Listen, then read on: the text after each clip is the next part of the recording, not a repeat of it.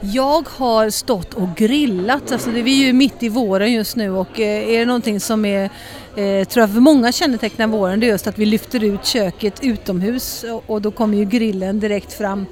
Eh, så att det finns ett jättestort intresse för grillning så att jag har stått tillsammans med min kollega Bengt Sjöström och egentligen bara lekt med massa olika råvaror och svarat på frågor och berättat om knep och knåp om grillning. Och kan du ge oss några tips så här inför grillsäsongen nu? Ja, jag, jag brukar säga att man kan grilla hela året om till att börja med. Men eh, några knep och knåp, alltså, Eh, alltså gör det enkelt för dig och, om du känner att, och, och, så du kan grilla ofta istället. Gör inte för stor sak av den. Sen så handlar det, hos många handlar det vad, ska jag ha en gasolgrill eller ska jag ha en kolgrill? Och de riktigt hardcore-grillarna älskar ju sina kolgrillar. Men är man kanske en lite mer ovan grillare som är lite stressad och har småbarn så tycker jag en gasolgrill fungerar alldeles utmärkt faktiskt som alternativ. Och vad ska vi lägga på grillen nu? Alltså jag, vi kör ju fläskfilé och det kan vara färdigmarinerade grejer. Jag vet att kockar brukar ha lite synpunkter på det där. Jag fnyser direkt åt de färdigmarinerade faktiskt. Nej, eh, jag tycker att man kan lägga allt på grillen faktiskt. Eh, och framförallt ska man kanske gå ifrån lite den traditionella grilltänket som man hade förr.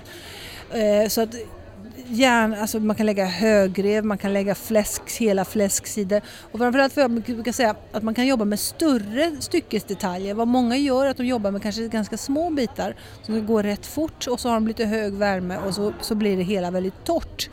Eh, och när det gäller grillning så ska man nyttja Eh, tiden istället och låta det faktiskt ta längre tid och inte lägga grillkött eller grilldetaljer om det är kött, fisk eller grönsaker eller ost vad man nu lägger. Inte lägga dem direkt på värmen utan lägga dem indirekt värme som är då den eh, senaste modeordet inom eh, grillning som, som vi som grillar använt i alla år vilket innebär då helt enkelt att du inte lägger köttet direkt på elden utan du lägger det vid sidan om och låter cirkulationen och locket, huvud, liksom själva huv, huven på grillen göra jobbet.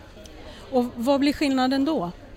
Skillnaden blir helt enkelt att du tempererar lite långsammare så att du låter köttsafterna och låter köttet eller då fågeln eh, ligga och tillagat långsammare och då får du alltid mer saftighet i, i köttet.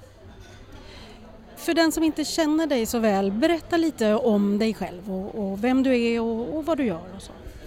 Jag, eh, jag är uppväxt i Italien, eh, kom till Sverige som 11-åring. Mamma är svenska och min pappa var italienare. Eh, och hemma i Italien så pratar vi svenska faktiskt och eh, fortsatte med det sen när vi kom tillbaka till Sverige. Och känner mig väl kanske två Alltså jag känner att jag har två nationaliteter. Jag känner mig både italiensk och svensk, vilket är helt underbart när man är lite äldre för då plockar man ju russin ur kakan. När man är lite yngre så är man lite tveksam om vem man är, men det är man ju alltid å andra sidan. Ehm, och jag, ehm, jag jobbar ju som eh, kock, men numera kanske man kan säga att jag är nästan mer som en mat, ett paraply över mig. Så att jag jobbar ju med P4 Extra varje lördag och har ett eget inslag som heter Matklassiker. Sen så skriver jag för Göteborgs-Posten varje torsdag, har gjort det i åtta år snart faktiskt. Och sen jobbar jag ganska mycket med olika matreportage för eh, Allt om mat, för tidningen Buffé, för eh, Aftonbladet, Expressen, Leva och Bo, ah, massor mass, av olika. Ehm, sen lagar jag väldigt, väldigt mycket mat för jag älskar det så jag kan vara gästkock i olika restauranger eller hålla i lite större event då, då där man tar in mig och kanske 500 000 personer som vill ha en specialevenemang som jag kan hålla i hela biten. Och nu när du då skriver och är med i, i, radio och så vidare och är med i olika sammanhang. Vad skulle du säga är det viktigaste för dig och för din bransch att kommunicera? Jag tycker vad vi kockar har lyckats med att vi har lyft upp matlagningen hos gemene man igen. För vi tappade det någonstans där, slutet på 70-talet, 80-talet. Så flög det rätt ut genom fönstret och folk slutade laga mat. Och jag tror att vi har lite grann återvunnit den marken. Jag vill att vi ska fortsätta på den inslagna vägen i att lyfta fram och då, då menar jag verkligen det här med ekologiskt tänk, eh, eh, schysst djurhållning, bra transport av råvaror, eh, en etisk tänk både ekologiskt och, och produktionsmässigt när det gäller då de råvaror vi sätter i oss och det innehållet de har. Att vi fortsätter att sträva till så naturlig mat som möjligt. Så jag tycker det är verkligen det som är viktigt för oss kockar. Naturlig, god mat gjord på goda råvaror med en förmåga att tillaga dem rätt. Det är ju det som är så roligt att jobba med. Och på ett personligt plan, hur, hur tänker du kring det och hur jobbar du med det i, i ditt vardagsliv? Jag gör det nog just genom att jag har en röst ut i världen via då Göteborgs-Posten och via då radion. Att jag får förmågan att kanske verkligen prata om det här och lyfta fram det än mer och förklara varför jag tänker så här. Liksom. Varför jag tycker det är så viktigt att det ska vara ekologiskt. Varför gör du det? Ja, men jag gör det för att vi, det vi sätter i vår kropp, det är vårt bränsle. Om det bränslet är dåligt så kommer inte vår kropp fungera bra. Och det är där vi måste liksom, det, är så liksom, det är ett plus ett plus två, det är så enkelt så egentligen borde man inte behöva säga det, men man måste säga det. Och du berättade för mig eh, tidigare, nu, nu sitter vi här mitt i ett café, det är mycket människor runt omkring. Någonstans så, så tänker jag också på din eh, italienska bakgrund. Kan du ge lite bilder ifrån det som är starka upplevelser för dig när det gäller Italien och Ital italienska köket och medelhavsköket överhuvudtaget? Jag tror att för mig när det gäller medelhavsköket så handlar det framförallt om, nu hör vi ju massa barn i bakgrunden här och det är det som är så viktigt, det är så viktigt att mat är någon, en familjeangelägenhet. Alla ska vara med i köket, alla ska vara med och äta. Och det är någonting som man verkligen ser otroligt mycket i medelhavsköket. Att, att det, det, är inget konstigt, det är inget krusiduller utan man har alla i köket och man lagar mat med hjärtat. Och det har jag med mig och det ser jag väldigt mycket i min familj.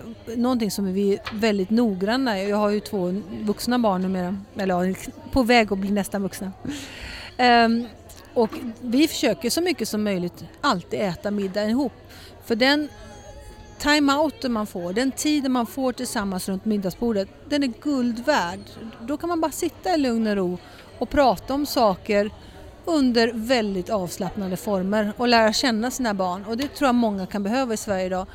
Lär känna era barn, lär känna era tonåringar, sitt och lyssna på deras sätt att prata, förstå deras värld. För vi har ju ganska förutfattad mening om hur världen ska se ut. Men vi måste lära oss hur ser världen ut 2014 för någon som är då tonåring. Och det måste vi lära oss. Och vad har du lärt dig av dina barn kring det? Ja, alltså man lär sig någonting hela tiden. Allting från eh, Game of Thrones till eh, liksom, hur senaste mobiltelefonappen funkar och vad man ska tänka på. E-, eller framförallt så lär man sig se saker från en helt annan sida än man själv har sett den. Och det ska man, man ska vara så pass ödmjuk att man ska tillåta sig själv att göra det.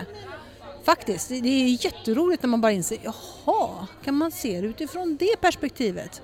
Och det gör en till en mycket större människa. Så jag kan säga att mina barn gör mig till en, en större person liksom, med mer förståelse. Jag vet också att du har, du berättade tidigare här för mig att du har ett projekt på gång eller att du ska vara med i någonting spännande här nu framöver. Berätta! Jag ska cykla till Paris. Det är så totalt galet så att det är knappt att man vill, så att man vill säga det högt men det är det verkligen. Det är, ett projekt som heter Team Rynkeby Eh, som startades i Danmark för ungefär 13-14 år sedan.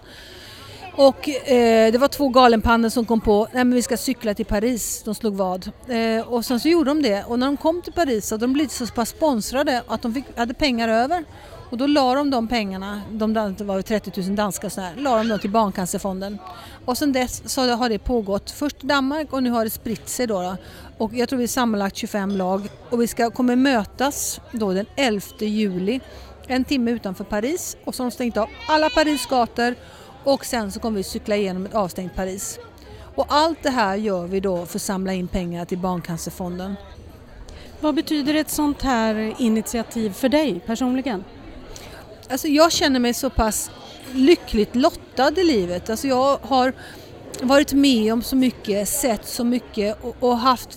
Jag tycker människan är så i grunden god. Jag har fått så mycket av andra människor.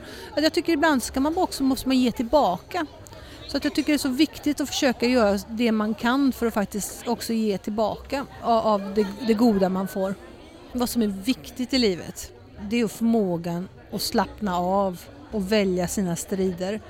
Man behöver inte slåss för allting. Jag tror det är så viktigt att man är generös mot sig själv och mot andra. Att vi inte alltid behöver gå i clinch med allting. Utan det viktigaste jag tycker alla ska ha med sig är att slappna av och njuta av livet. Vi har ett liv och det ska man njuta av hela vägen.